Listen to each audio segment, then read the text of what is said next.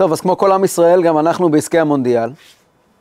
וגילוי נאות, אין לי שום דבר נגד כדורגל.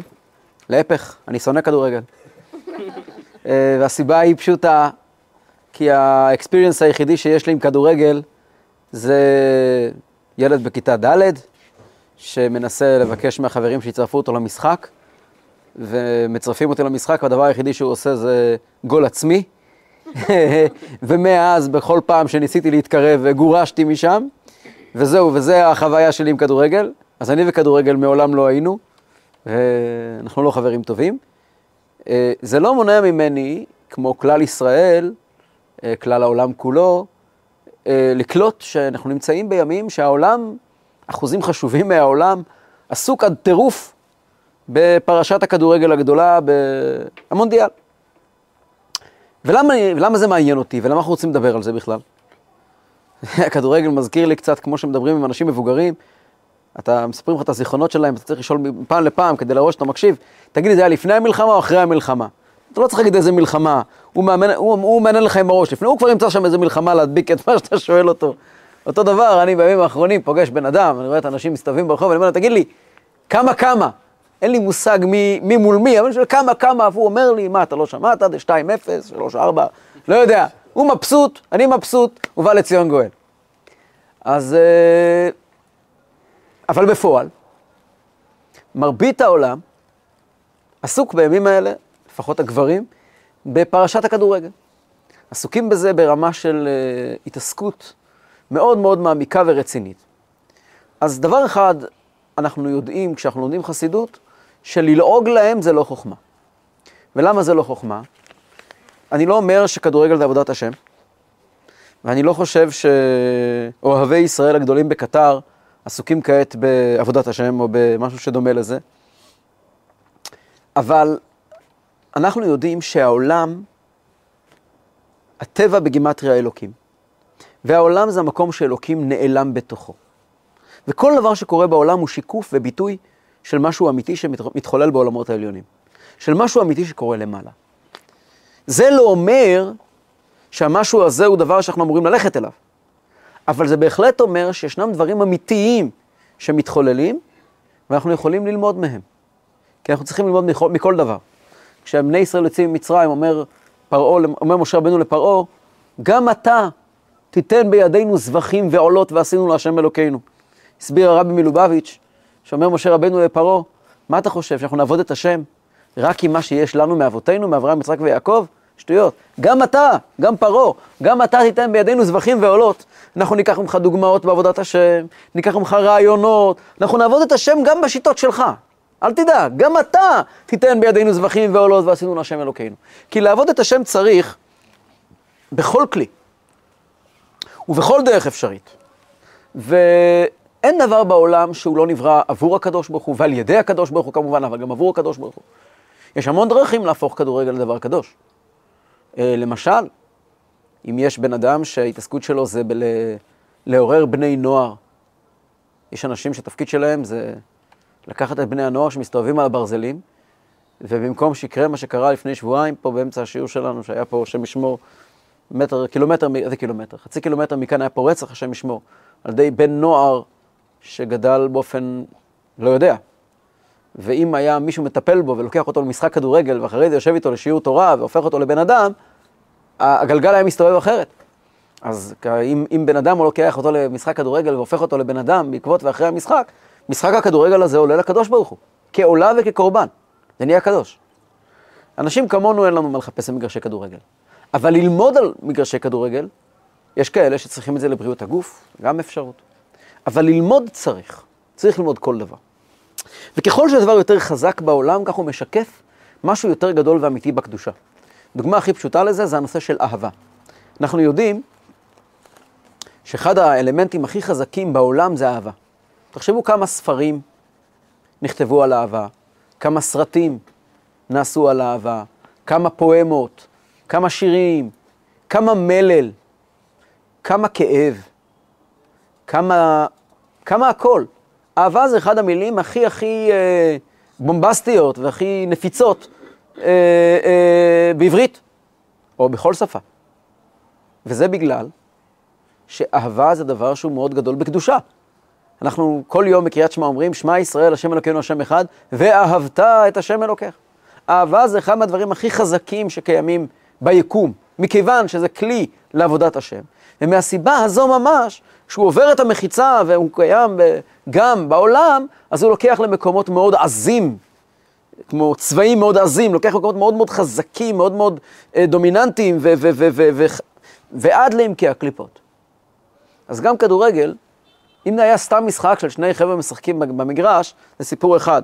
אבל כשאתה רואה שכל העולם בתוך העניין הזה, והוא שקוע בתוכו ראשו ורובו בצורה כל כך מטורפת, זה אומר לנו שלסיפור הזה יש שורש בקדושה, ואם אנחנו נבין את השורש בקדושה, אז הנה גם אנחנו למדנו משהו מהכדורגל. האמת היא שבהלכה הכדורגל מופיע, כדור מופיע בשני הקשרים, שניהם של שלילה. הלכה אחת אומרת שאסור לשחק בכדור בשבת, זאת משנה. אז הנה, זה, מה המקור של כדורגל בקדושה? שאסור לשחק כדורגל בשבת. כתוב בגמרא. האלמנט השני, המקום השני שמופיע של כדור, כתוב שאסור לעשות עבודה זרה מכדור. זה אולי יש לזה היבטים נוספים, אבל זה גמרא מסכת עבודה זרה. אבל לכדור, לכדורגל, יש ודאי הרבה אלמנטים אה, אה, אה, עמוקים יותר. בשנת תש"מ, 1980, בקיץ, תקופת פסח, הרבי התחיל לדבר על העניין הזה של והשיב לב אבות על בנים, אחד מיהודי הגאולה, והשיב לב אבות על בנים ולב בנים על אבותם, שצריכים למשוך את ההורים אל היהדות ולתורה ולקדושה באמצעות הילדים שלהם. והרבי אז אמר לעשות פעילויות שמוכוונות לילדים, וככה ההורים יבואו. ההורים ייגררו עם הילדים. ואז הרבי דיבר על זה במשך כמה חודשים. אחר כך, בחצי שנה אחרי זה, הרבי הקים את ארגון הילדים העולמי צבאות השם. אבל זה התחיל עם העניין של והשיב לב אבות על בנים ולב בנים על אבותם. בכל הזדמנות הרבי דיבר אז על העניין הזה של חינוך, של איך לגדל ילדים בצורה נכונה. ואחת השבתות, שבת פרשת שמיני, הרבי העריך בעניין של כדורגל. אמר, הנה לנו דוגמה שדרכה אפשר לקרב ילדים לעבודת השם, כדורגל, בסקטבול. אפשר לקרב ילדים לעבודת השם באמצעות כדורגל.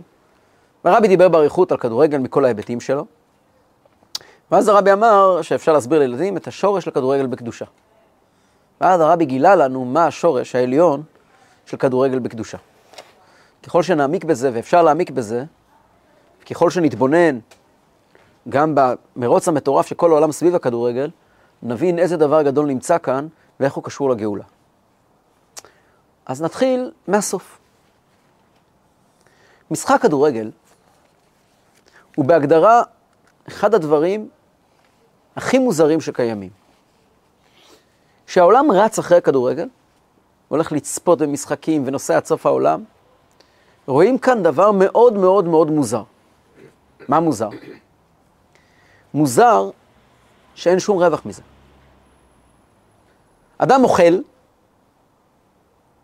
אז זה, זה, זה טוב לבריאות הגוף.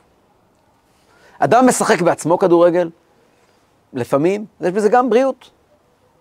אדם אה, עובד, זה כסף. אדם עושה קריירה, זה כסף. זה מעמד, זה שליטה. בסוף, כידוע, כל העולם בסוף עומד על כסף. על שלושה דברים העולם עומד. ככה אומרים על תורה ועל עבודה ולמוד חסדים, אבל הוא זז רק עם כסף, נכון? יש דבר אחד בעולם, לא דבר אחד, אבל כמה דברים בודדים שלא קשורים לכסף. תענוג. תענוג. תענוג זה לא כסף. אנשים הולכים, נכון שיש שם, מסתובב, גם, עושים גם כסף על זה, ברור. אבל ההמונים שהולכים וצופים ומתעסקים עם זה, עושים את זה רק לשם השעשוע. אין לנו הרבה מקומות בחיים שהשעשוע כל כך בולט. שעשוע, תענוג, זה אחד הדברים הכי עוצמתיים, בעצם העוצמתי ביותר, שקיים אצל אדם. מכיוון שלכל דבר אצלנו בחיים הוא בנוי מסיבה ומסובב. יש לנו מטרות, ואנחנו עוסקים רוב הזמן שלנו בלחפש את המטרות שלנו. רוב החיים שלנו, אנחנו רודפים אחרי מטרות. ולפעמים אנחנו עוסקים במטרה ראשונית שהיא למטרה שנייה, של למטרה שלישית, של למטרה רביעית, בסוף אנחנו אפילו לא שוכחים מה המטרה האחרונה. קמים בבוקר ורצים מהר מהר להספיק להגיע לעבודה בזמן כדי לעבוד, כדי להתקדם בעבודה, או אני לא יודע מה, כדי לקבל שכר, כדי לקנות בסופרמרקט, כדי להאכיל את הילדים. כל זה, בשביל זה קמת, ואתה שוכח בכלל שבסוף זה אמור להגיע לילדים, כן? אנחנו עובדים, אנחנו כל הזמן, אנחנו נתחיל לבדוק את רוב הפעולות שלנו, נגלה שאנחנו עסוקים כמו קליפות הבצל, בסיבה, לסיבה, לסיבה, לסיבה. כמעט ולא קיימים דברים אצל אדם, בטח אה, בתקופה שלנו היום, הם, שאין זמן לכלום, אנשים רודפים אחרי עצמם ראש זנב, כמעט ולא קיימים דברים שאנחנו רואים בהם ערך בפני עצמם. אחת הבעיות הגדולות של הדור שלנו, בלי קשר. היום עם הסחות דעת, מאוד קשה למצוא רגעים שבן אדם יושב איתך והוא איתך. או כשאדם יושב עם עצמו והוא עם עצמו. זה מאוד נדיר. אנחנו כל הזמן חושבים על מה יהיה אחר כך, מה השלב הבא. והשלב הנוכחי לא רלוונטי. ואחד מהרגעים היחידים שאפשר לראות עונג מזוקק, זה שאתה מסתכל על איך אנשים מתייחסים למשחקי כדורגל. כעת נהנים. אל תפריע. פתאום הטלפון לא מטריד. פתאום אה, לא משיחות וואטסאפ, לא הודעות וואטסאפ, פתאום, פתאום נמצאים רק במקום אחד. העונג, יש כאן את הדבר בעצמו. יש כאן את הסיבה של הכל. הגענו למקום מאוד עמוק בנפש, וזה מצביע לנו על עונג. עונג זה דבר מאוד עמוק בנפש, שביום-יום הבהיל שלנו, הבהול שלנו, האינטנסיבי שלנו, כמעט ולא פוגשים בו. יש יום אחד בשבוע שאמור להיות עונג, וקראת לשבת עונג. בשבת אין טלפון. בשבת אמורים לשבת עם דף גמרא ולומר, אין דבר יותר כיף מזה. זה המטרה של החיים. וקראת לשבת עונג, לקדוש השם מכובד. בשבת באמת אנחנו לא ממהרים לשום מקום. ההלכה אומרת שאסור לרוץ בשבת. למה? כי שבת זה יום של עונג. עונג זה לא העונג שבללכת לאט. אולי יש לי עונג בלרוץ? העונג בלהיות כאן. אנשים שואלים, איך זה יכול להיות שדווקא בשבת, שהוא יום של עונג, אי אפשר לנסוע לים? שאלה יפה. ויש לה יותר מתשובה אחת. אבל הסיבה העיקרית, כי שבת שהוא יום של עונג, עונג קורה כאן. עונג לא קורה שם, קורה כאן. כאן ועכשיו. עונג זה היכולת למצוץ את השנייה ולאכול את השנייה, את הרגע מכל הזוויות שלו, בלי לזוז לשום מקום. איך כתוב בתורה? אל יצא איש ממקומו ביום השביעי. אין צורך לזוז לשום מקום. ועונג זה שאדם נמצא במקום מסוים בלי להשאיר עקבות במקומות אחרים. וזה דבר מאוד נדיר בחיים שלנו, שמסוגלים להיות מקום אחד בלי להשאיר זנבות. אתה עכשיו נמצא פה ורק פה. תכלית בריאת העולם, דיברנו עליה, והיא מה שתתגלה בימות המשיח ובעיקר בתחיית המתים, זה נתאווה הקדוש ברוך הוא להיות לו דירה בתחתונים. מה זה נתאווה הקדוש ברוך הוא להיות לו דירה בתחתונים? שהעולם שלנו לא יהיה אמצעי לכלום, הוא יהיה המטרה. אלוקים רוצה ליהנות מאיתנו. ליהנות מאיתנו בלי עבור מה. שאלו פעם את בעל התניא, כתוב, נתבע הקדוש ברוך הוא להיות לו דירה בתחתונים. למה הוא התאווה? ענה בעל התניא, אני לא מבין, מדברים על תאווה, מה אתה שואל למה? תאווה, תענוג, עונג, זה דבר שהוא מיני ובי, זה הדבר בעצמו, אין למה. אם יש למה, אז אנחנו בשלב לפני משהו. אם אני כעת, אה, יש בהלכה אה, אה, דין שאומר שבשבת מותר לחטוא ביצים, יש דעה, לחטוא ביצים, לעשות גחלים כדי להכין פחמים, כדי להכין סכין, כדי שיהיה למוהל בשבת סכין טובה. כן, להלכה זה לא, אבל, אבל יש כזו דעה. זה בשביל ובשביל ובשביל ובשביל ובשביל. או יש משנה בפרקי אבות, אף צבת בצבת עשויה.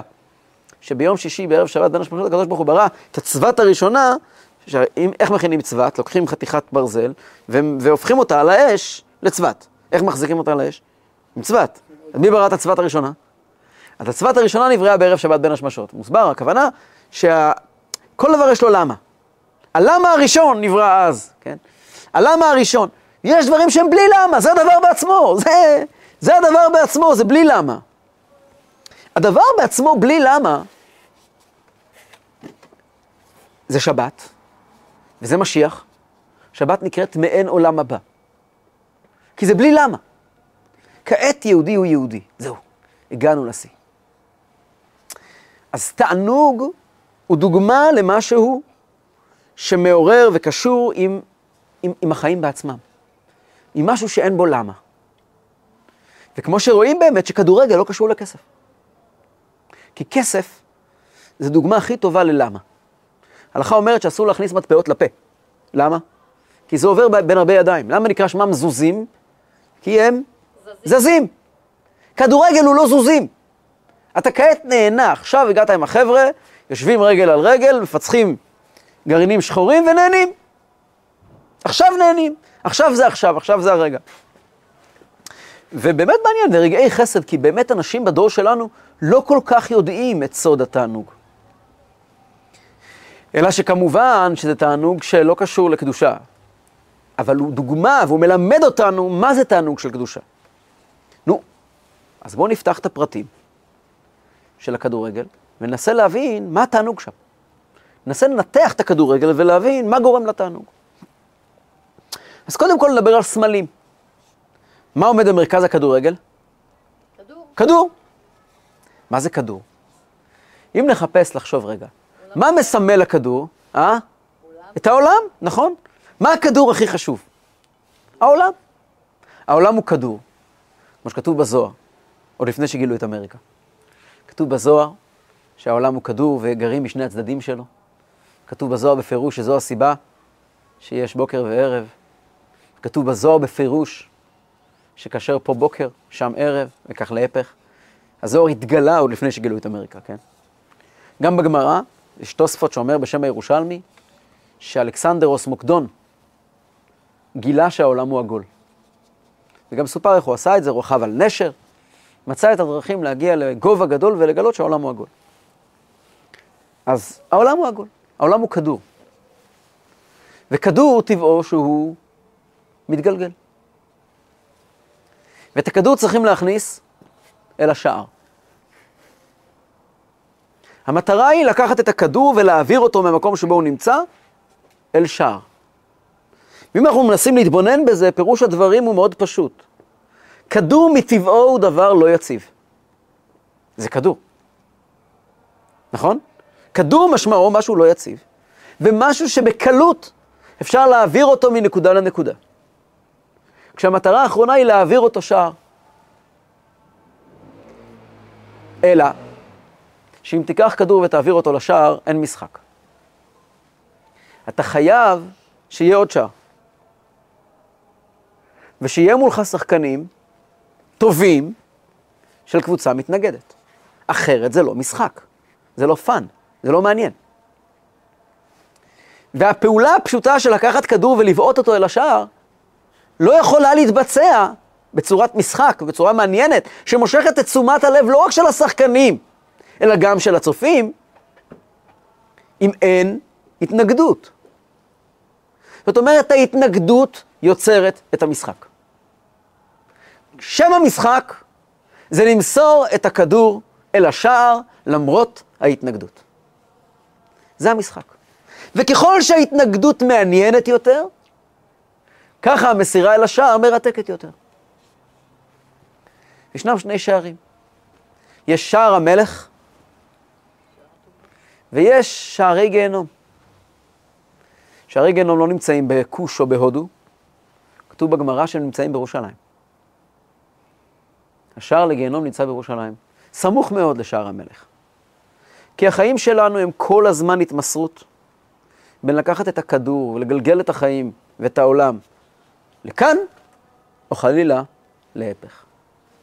והחיים שלנו הם סיפור של תמסרות ו- והתמסרויות כנגד התנגדות.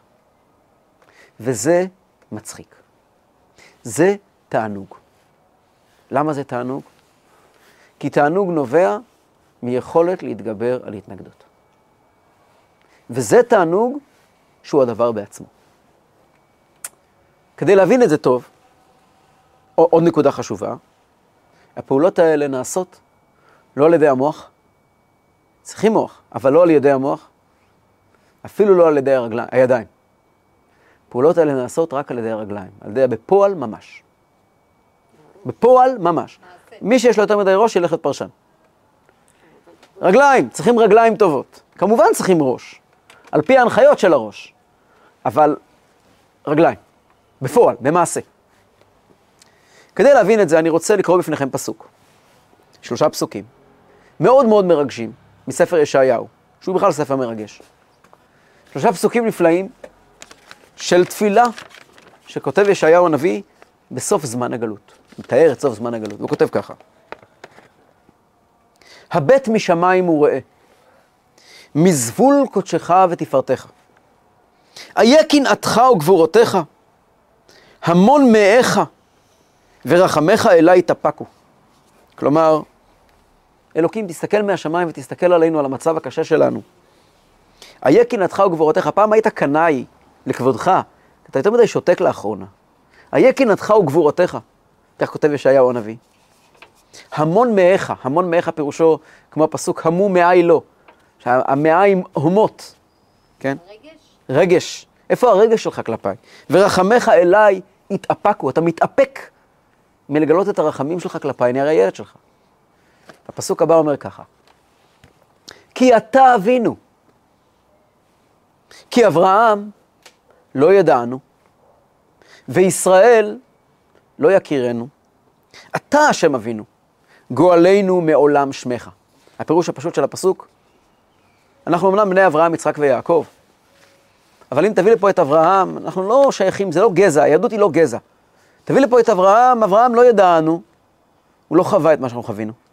אין לו מושג מה זה להיות יהודי אחרי שלושת אלפים שנה.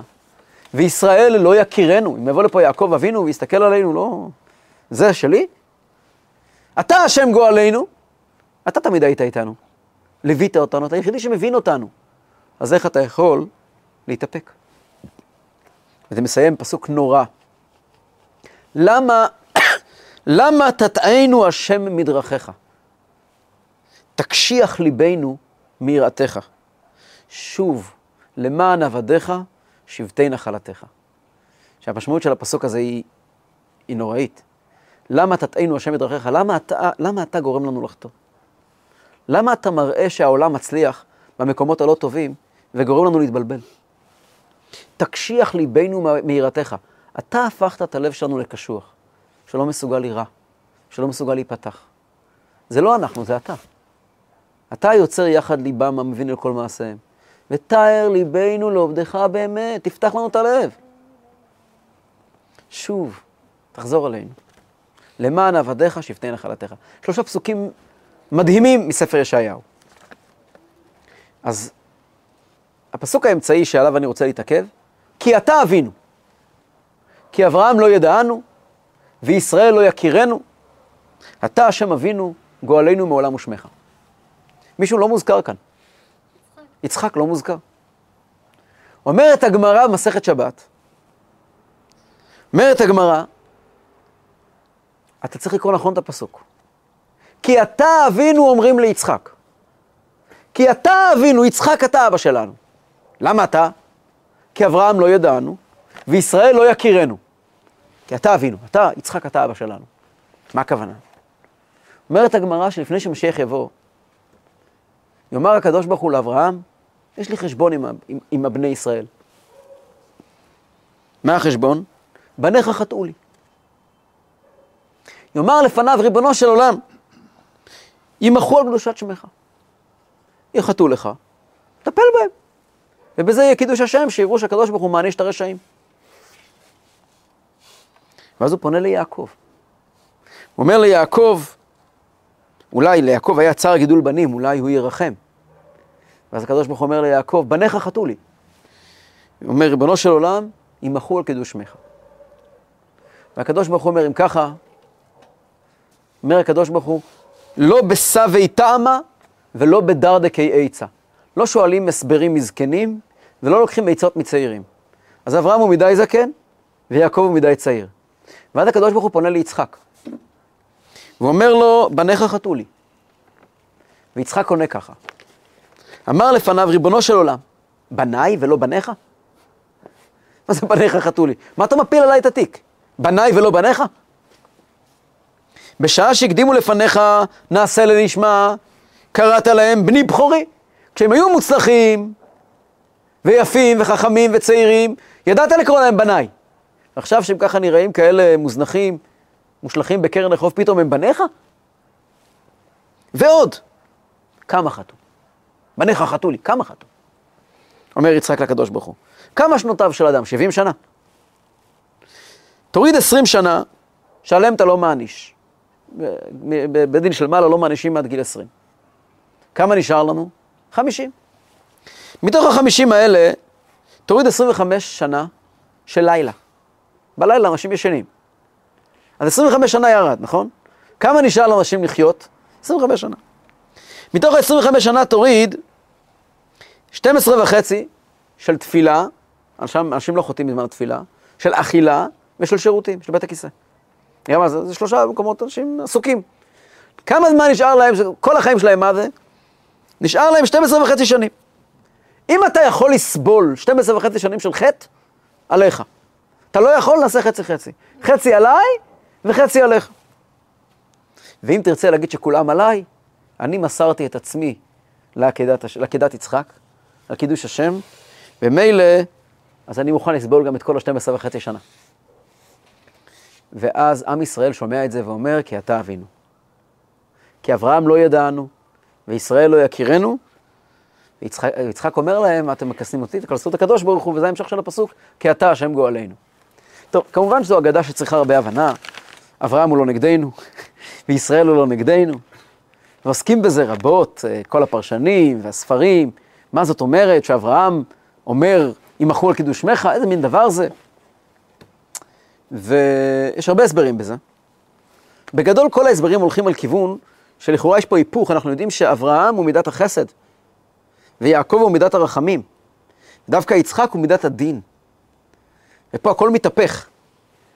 אז uh, מופיע כל מיני הסברים, למשל יש הסבר שאברהם, uh, בגלל שהוא מידת החסד, אז הוא אומר, הוא, הוא מגיע בהפוך על הפוך. הוא אומר, אם אני אגיד uh, לא טוב על עם ישראל, ואחר כך יגיע יצחק ויגיד לא טוב על עם ישראל, יש רוב נגד.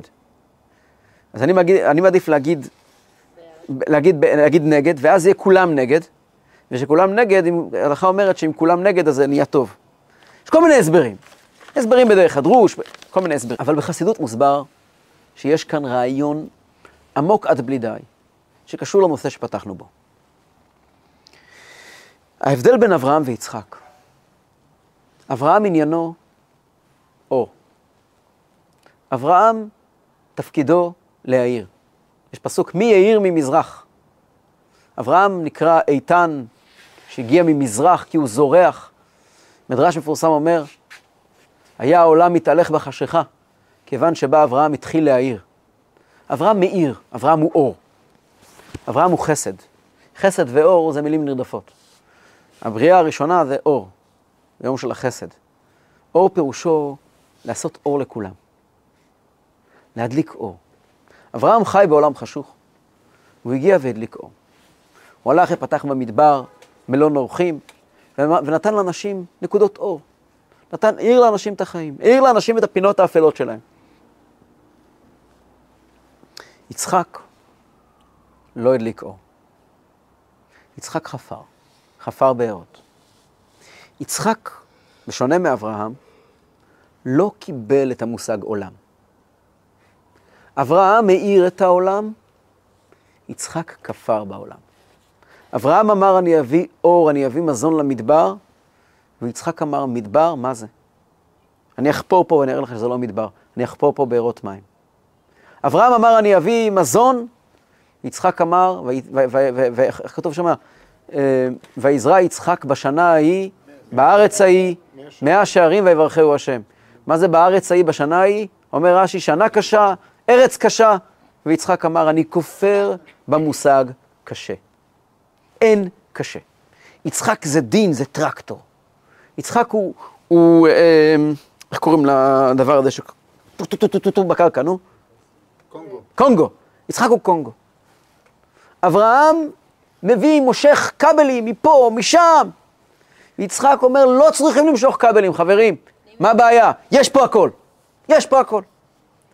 יצחק הוא נורא מצחיק. ממה אנחנו צוחקים? אנחנו צוחקים מאלמנט ההפתעה. רוב הבדיחות לוקחות אותנו למקום שלא חשבנו. תפנית, איזשהו סוויץ' כזה, תשובה לא צפויה. אם אנחנו מדברים על השעשוע של הכדורגל, השעשוע הוא מההפתעות. איך הוא יעשה את זה? הוא עומד מול כזה, מול כאלה שחקנים קשים, ובום, הוא מעביר את הכדור, הוא מעביר מתחת ליד שלו, מעל היד שלו, כמו שהשחקנים מתלהבים בשידורים, ותראו איזה גול, כן? וואו, תראו מה הוא עושה פה. הוואו הזה, תראו מה הוא עושה פה, הוא ראה התנגדות, הוא צחק ממנה. הוא לעג לה. הוא לא האמין בהתנגדות. אברהם יודע להאיר את החלקים החשוכים בחיים. יצחק טוען, אין חלקים חשוכים בחיים. זה הכל משחק. זה הכל צחוק עשה לי אלוקים. כל השומע יצחק לי. זה היכולת לשבור את ההתנגדות ולגלות שהיא באמת קיימת פה בשבילי ולא נגדי. וזה שעשוע. כשתגיע הגאולה, יסתכלו על אברהם ויגידו לו, נו אברהם, בניך חטאו לי.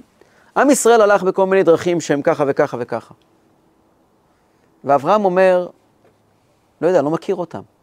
אני יודע להדליק אור. אל תתקיל אותי עם שאלות כאלה.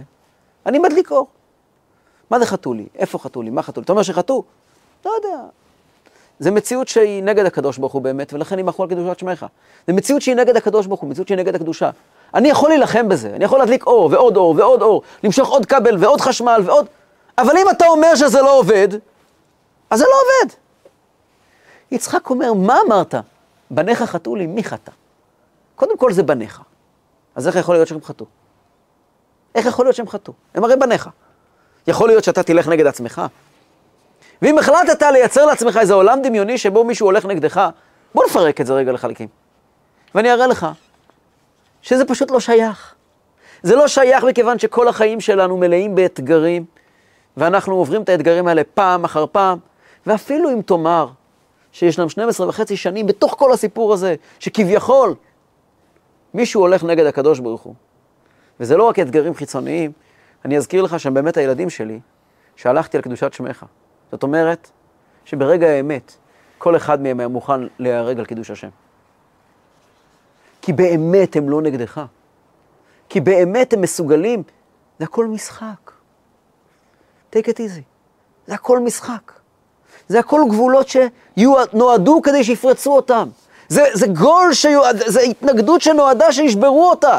את הכדור הזה אמורים להעביר הלאה. מה אתה אומר, יש על, יש על המגרש? כמה שחקנים יש על המגרש? 11? 12? 11. כמה בכל צד? 11. 11. אה, 11 לכל צד. אז אתה אומר שיש לנו משחק אה, על, על, על, על המגרש 11 שחקנים שהם נגדנו. הם לא נגדנו, הם בעדנו. הלכתי לראות את המשחק. הטובים נגד הרעים, אני רואה משחק, אני לא רואה טובים ורעים. אברהם רואה טובים ורעים. הוא אומר, הטובים ינצחו. אני לא רואה טובים ורעים, אני רואה משחק. ובמשחק הזה רק הטובים יכולים לנצח. מכיוון שהרעים פה כדי לעשות מעניין. הם פה בשבילי, הם פה לטובתי. הייתה פעם פרשה שתנועת חב"ד נקלעה לאיזשהו סיפור משפטי לא נעים, ושמעתי ממישהו שנסע לבית משפט, חב"ד ניצחה בסוף כמובן, ושמעתי מישהו שנסע לבית משפט, יחד עם ראש הישיבה של חב"ד, קראו לו הרב מנטלי, כולו דיבר מילה באנגלית. משפט היה באנגלית. והוא יושב בצד ואומר תהילים. ומזמן לזמן היה עולה עד אחר ומעיד. הוא לא מבין מילה מה מדברים. אז הוא היה שואל את הבחור שהביא אותו, הבחור הזה סיפר לי, תגיד לי, הוא אומר לו, הוא לטובתנו מהצד שלנו, או לטובתנו מהצד השני? הוא לטובתנו מהצד שלנו, או לטובתנו מהצד השני. וזה נקרא פדה בשלום נפשי. זה מה שחסידות גילתה בעולם. אף אחד לא נגדך. calm down, תירגע. אתה יכול ללכת ולהילחם בחושך. ואתה יכול ללכת ולשנות את המבט. וזה גאולה, זה הצחוק עשה לי אלוקים. זה כי אמרו לי יצחק, כי אתה אבינו. כי הגאולה השלמה תהיה, היא תגלה שהעולם הוא לא אויב. והקדוש ברוך הוא והעולם הם אחד. וזה, זה התענוג הגדול. זה המשחק של כדורגל. זה התענוג הגדול. והתענוג הגדול הזה, זה הדירה בתחתונים שהתגלה בביאת משיח צדקנו, בקרוב בימינו ממש.